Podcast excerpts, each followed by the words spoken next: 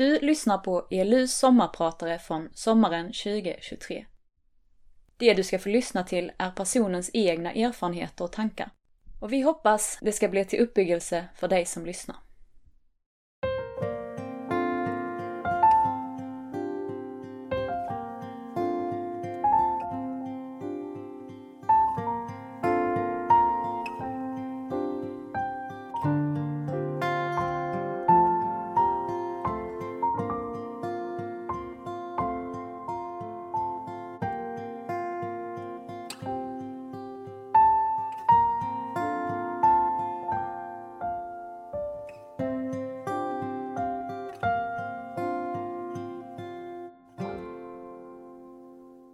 Alltså det här ska bli spännande att göra ett sommarprat. Jag som heter Gullan Ekhem och inte alls är de många ordens människa utan en som mest inflikar saker i ett samtal. Alltså jag klarar inte ens av att hålla ett samtal igång. Jag kan lyssna men jag kan inte föra samtalet vidare. Jag har flera gånger varit med om att på kalas så sitter jag helt tyst medan min granne på båda sidor pratar med sina andra grannar. Ja, så är det bara. Men det finns så många andra som älskar att prata. Då mest om sig själva. Men såklart även om annat. Jag är väldigt bra på att lyssna, analysera, filosofera, tänka ut lösningar. Min favoritbibelvers är från Romarbrevet 8 och 28. För den som älskar Gud samverkar allt till det bästa. Jag är född handikappad, eller vanskapt som man sa på den tiden, med klumpfot på båda fötterna, vilket berodde på för korta hälsenor. Fötterna var helt felvridna, hälen fram och tårna inåt. Mina föräldrar var naturligtvis helt förtvivlade och såg framför sig ett liv för mig i rullstol. Och samtidigt som jag föddes så höll min två år äldre syster på att dö i kraftig astma. Vilken panik för våra föräldrar! Gud fick många bönerop om helande och kraft. Men det fanns en ortoped på Vanföran i Helsingborg som tog ett ovanligt grepp och förlängde mina hälsenor med hjälp av kalvsenor. Och min syster överlevde astmaattacken. Tack Gud för bönhörelse. Jag är så innerligt tacksam för mina fötter som burit mig i mer än 70 år. Inga högklackade för mig men jag har kunnat springa, hoppa och klättra. Jag älskade att klättra i träd, högst och på de smalaste grenar.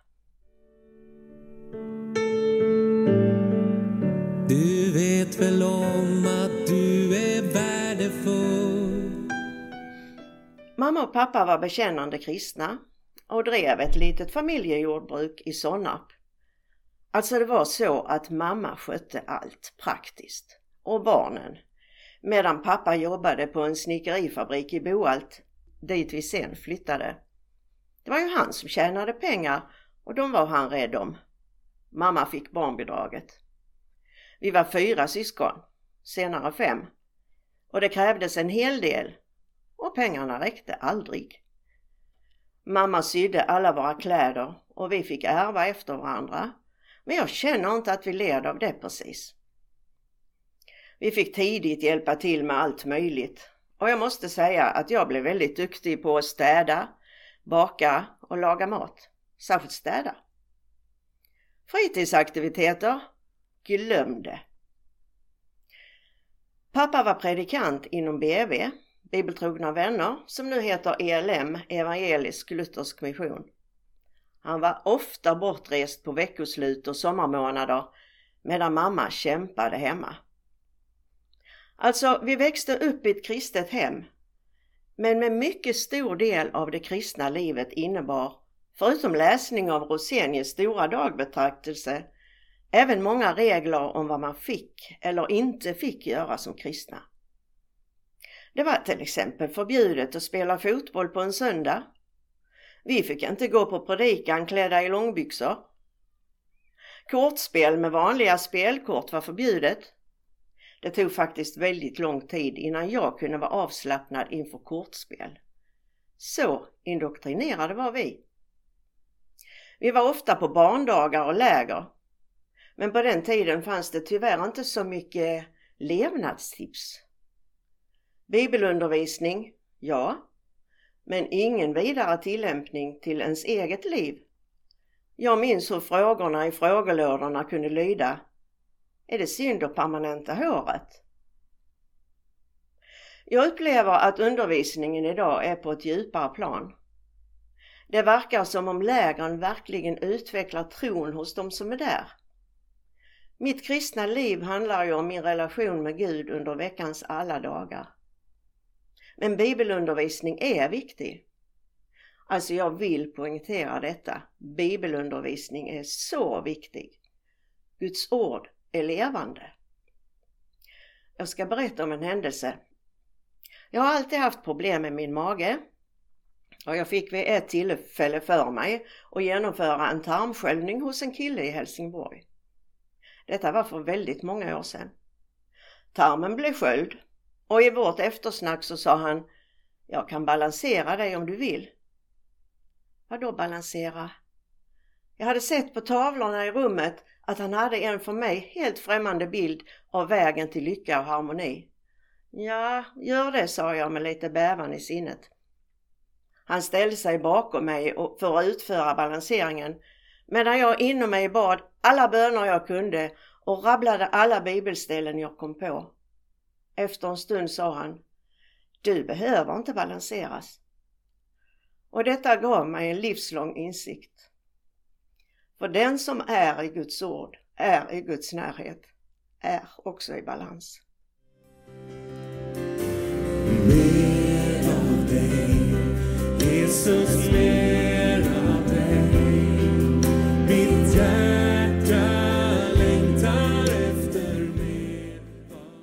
Men vi fick gå på många läger, barndagar och ungdomsdagar och det är jag också tacksam för. Vi blev en grupp vänner som vi kallade Gänget. Sådär på en 15-20 och ibland 25 ungdomar som åkte till de olika missionshusen på lördagskvällarnas ungdomsmöten och därefter samlades vi hemma hos varandra, fortsatte gemenskapen, åt god mat som föräldrarna generöst hade fixat, lekte och hade andakt. Klockan blev ibland både två och tre på natten innan vi kom hem till vårt. Det fanns alltid någon som hade körkort och generöst skjutsade andra. Varför kunde vi inte sitta tolv personer i en Merca? Det var ju klart före säkerhetsbältenas tid. Oj, oj, oj så mycket vi sjöng från BVs sångbok. Lovsånger hade ännu inte gjort sitt inträde i vårt sammanhang. Det var faktiskt lite förbjudet. Men jag har tagit igen det på senare tid. Mamma var en väldigt duktig sångare och vi fick en del i arv från henne. Gud utrustade mig med ett bra gehör. Det hände ofta att jag vaknade, särskilt på söndagsmorgnarna, till att mamma satt och spelade och sjöng. Mestadels från BVs sångbok. Mina två äldre syskon fick gå på pianolektioner, men så räckte inte pengarna för lektioner till mig. Jag bad mamma lära mig noterna till en sång Giv din ungdomsdag åt Jesus. Och den stod i 1B, alltså F-dur. Den lärde jag mig och så spelade jag alla sånger i 1B. Det funkade såklart inte att sjunga allt så, så jag tränade upp även de andra tonarterna. Frimodig och orädd för att göra bort mig så spelade jag i alla möjliga sammanhang. I missionshuset, på läger, på gängets samlingar. Jag spelar fortfarande piano nu mest hemma och som avslappningsövning innan jag går och lägger mig. Må mitt piano få följa mig. Det hörde också till att ställa upp med att sjunga på möten och tältmöten och efterhand så blev det min bror Polle, hans fru Lena och jag som bidrog med sångevangeliet på olika möten under många år. Lena spelade gitarr och jag spelade sittra och så sjöng vi mestadels tvåstämmigt. Vi spelade även in ett kassettband som hette Känner du vännen? Det är från Lova Herren 271. Och jag vet faktiskt inte om den existerar hemma hos någon fortfarande, bandet alltså. Varför just Sittra? Varför inte Sitra? Ett platt och ett ensträngat instrument som man måste ha på ett bord. Vid ett tillfälle hade vi tältmöte med predikanten Anton Jönsson och vi hade inte lyckats få sångare till kvällen. Anton Jönsson reste med sin sittra och brukade spela och sjunga till den. Men den här kvällen ville han inte medverka med sång. Han föreslog att jag skulle testa sittran och det gjorde jag. Sven och jag sjöng. Sen köpte Sven en sittra till mig.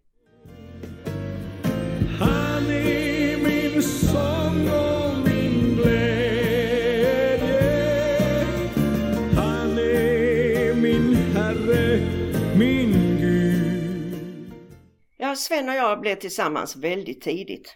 Han var en av dem i massan och jag satt för det mesta i hans knä. Vi gifte oss 1973 under tiden jag studerade till socionom. Sven hade 1971 tagit över Fädernegården i Förslöv. Och sen trodde vi att barnen skulle komma automatiskt efter ett år eller så. Men eh, det året gick och nästa år gick och vi började fundera, hmm, det är kanske Guds vilja att vi ska ta hand om andra barn. Då hade jag ett jobb i Ängelholm som skolkurator och träffade i mitt jobb två systrar från Stockholm som var fosterhemsplacerade i finare hem i Skälderviken. Efter ett tag bodde de båda hos oss. Efter ytterligare ett tag blev en kille också placerad hos oss. Så när vi var 25 och 26 år gamla var vi fosterföräldrar till tre tonåringar. Det var lärorikt och absolut ingen dans på rosor. Men det berikade våra upplevelser. För den som älskar Gud samverkar allt till det bästa. Då började våra egna barn komma. Vi fick sammanlagt fyra. Fosterbarnen flyttade. En yngre tjej bodde hos oss ett par år och sen bestämde vi oss för att nej, nu fick det vara nog. Det gick några år och sen behövde Magnus bo hos oss ett tag. Anders behövde bo hos oss ett tag. Mikael behövde bo hos oss ett tag. Moa behövde bo hos oss ett tag. Några av våra fosterbarn våra familjehemsungdomar har klarat sig riktigt bra i livet. Helt allmänt sett. Andra har det inte. Men så länge de bodde hos oss fick de åtminstone trygghet och kunskap om Gud och hans kärlek. Är det något i samhället jag är riktigt arg på så är det narkotikan. Den har dödat tre av våra familjehemsungdomar. Vi fick vara med på Anders begravning på min 70-årsdag. Sorg och glädje följs ju åt på livets stråt. Som din dag så ska din kraft och vara Detta löfte, ja det gav han mig Jag gifte mig med en 100% bonde, Sven som alltså köpte Fädernegården vid 20 års ålder. Ett medelstort blandbruk med olika djurslag och odlingarna på åkrarna. Sven hade och har fortfarande en speciell ekonomisk begåvning, en utvecklingsanpassad flexibilitet och ett mycket praktiskt handlag. Han jobbade i stort sett både dag och natt. Under veckorna såg inte småbarnen honom så mycket eftersom han kom in långt efter att de hade lagt sig. Men om söndagarna var vi tillsammans på picknickar och cykelutflykter. Efter något år med fosterbarnen och jag arbetande borta som skolkurator förstod jag att mycket skulle funka bättre om jag delade jordbruket med Sven och arbetade hemma. Så blev det sen. Vi blandade och gav. Sven tog det mesta grovarbetet och jag resten. Vi hade köttdjur på ranch till 1998. Vi hade suggor och smågrisuppfödning fram till 2003. Då var det inte längre lönsamt att vara djurhållare och då hade jag skött smågrisarna i 25 år. Och jag kan fortfarande sakna doften av en ren, varm, nyfödd kulting. Vår fråga till Gud var då, vad ska vi nu göra på vår gård? För dem som älskar Gud samverkar allt till det bästa. Efter många böner och många funderingar blev det så att Sven gjorde fem lägenheter i stallbyggnaderna och jag utbildade mig till massör och baunterapeut. Jag tog emot patienter i bostaden. Jag var en effektiv och duktig behandlare och många blev hjälpta genom mina händer. När man ägnar sig åt alternativ medicin så kommer man också i kontakt med andra alternativpraktiker som väldigt många hämtar sina läkande krafter från universum och kosmos. Alltså det som kallas new age. Många, många ägnar sig åt detta. Jag fick anledning att pröva mig noga gentemot denna sörja och ständigt be om att bli bevarad i tron på den enda sanningen i Jesus. Man kan inte påstå att de olika alternativa behandlingarna är new age. Nej, new age äger inga behandlingsformer utan hela tiden beror det på varifrån terapeuten får sin kraft. Jag började ofta mina behandlingar genom att lägga händerna på patientens rygg och be i Faderns, Sonens och den heliga Andes namn. Detta vill jag uttryckligt få sagt till alla er som söker er till alternativa behandlingar. Pröva noga. Det är inte okej okay att ägna sig åt meditation med färdiga mantran. Det är inte okej okay att söka hjälp hos schamaner. Sånt leder andligt i helt fel riktning. Håll er till sanningen. Zen-meditationen, som har blivit så modern, är en sorts buddhistisk tillbedjan som har tagit sig in i våra kyrkor som en okej okay meditation. Detta ifrågasätter jag verkligen. Vi ska vara medvetna om den andliga kampen i tillvaron. Att Satan hela tiden, mer eller mindre uppenbart, försöker lura och bedra den som vill leva i Guds närhet. Det jag ska läsa upp nu är taget som citat ifrån en hemsida som heter Make Me Smile. Zen är en form av buddhism. Filosofin bakom zen-meditationen går bland annat ut på att det inte finns några rätt eller fel i vår värld. Inom zen pratar man mycket om karma. Zen-meditation går ut på att hitta närvaro i nuet. I närvaron ska du försöka hitta dig själv. Du är en del av universum precis som alla andra och på ett sätt går det inte att skilja oss och universum åt. Slut på citatet.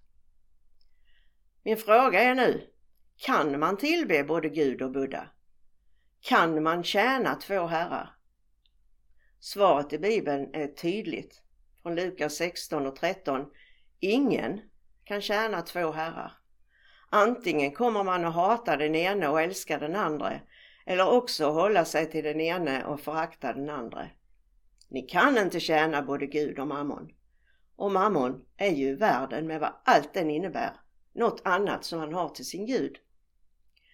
Ni ska inte ha andra gudar jämte mig, säger Gud i Andra Mosebok 23. Och min bön är Gud, ge oss andlig klarsyn. Hjärtats herre och kung, låt mig gömma mig i dig. Du har friköpt mig och du är min son. I början av 1980-talet startade vi en liten, ja mycket liten gårdsförsäljning som sen växte väldigt mycket och frodades i nästan 40 år. Vi var först i Sverige som gårdsbutik och vi kände oss verkligen som riktiga pionjärer. Vi, särskilt Sven som också engagerade sig i butiken mer och mer, var en sann entreprenör och han la många sena kvällar på att skaffa hem bär och annat till butiken. Det var en härlig tid. Det var en jobbig tid med underbara kundmöten och kontakter med odlare i närheten. Vi var ofta ute och sålde på mässor och evenemang. Vad är nu pärans dag utan Ekhems gårdsbutik och Gullan och Sven? Vi blev såklart äldre och närmade oss pensionsåldern. Och vad skulle vi göra med gården? Vi begrep ju att krafterna var i avtagande och att vi inte skulle orka driva den hur länge som helst. Allt man äger ska ju skötas. Våra barn deklarerade att de inte var intresserade att ta över, trots att Sven var fjärde generationen på gården. Nej, det var ju bra. Och vi annonserade ut den. Vi anlitade en, två, tre mäklare. Det fanns en och annan intressent, men ingen försäljning och vi blev äldre och äldre. Under tiden styckade vi av den allra finaste delen av våra ägor på Hallandsåsens sluttning och byggde ett enplanshus. Vi bad väldigt mycket om en lämplig kund till gården. Men det var först när vi tackade Gud för att han hade hittat en lämplig kund som det började hända saker. Bibeln uppmanar oss att tjata på Gud och att tacka honom i livets alla förhållanden. Gud vet vad vi behöver och han bönhör oss i rätt tid. När vi hade bestämt oss för att lägga ner odlingarna och gårdsbutiken och flyttat in i vårt nya hus ringde Jenny. Hon och hennes familj, troende från Södertälje, hade en tid känt Guds maning att söka sig ett annat ställe att bo på. Under bön började de leta. De hittade Ekhems gård som fick ny ägare den 13 juni 2019. Gud är verkligen god. För den som älskar Gud samverkar allt till det bästa. Framtiden ser jag på med tillförsikt. Allt vilar i min faders händer. Om Gud vill och vi får ha en god hälsa så har Sven och jag några härliga år framför oss medan vi lever här. Jag är tacksam och glad för livet som gått. Jag är väldigt tacksam för att våra barn också vill gå trons väg. Naturligtvis finns det mycket som jag ångrar. Inte så mycket sånt jag har gjort, utan mer allt som jag inte gjort. Allt som jag missat och försummat. Och det gör mig bedrövad. Det går ju inte alltid att göra om och göra rätt. Ofta får jag påminna mig om det som står i sinnesrobönen som används i missbruksvården bland annat. Gud ger mig sinnesro att acceptera det jag inte kan förändra, mod att förändra det jag kan och förstånd att inse skillnaden. Eller som Paulus skriver i Filipperbrevet. Jag glömmer det som ligger bakom och sträcker mig mot det som ligger framför. Herren välsigne oss och bevara oss. Herren låter sitt ansikte lysa över oss och vara oss nådig. Herren vände sitt ansikte till oss och giv oss frid.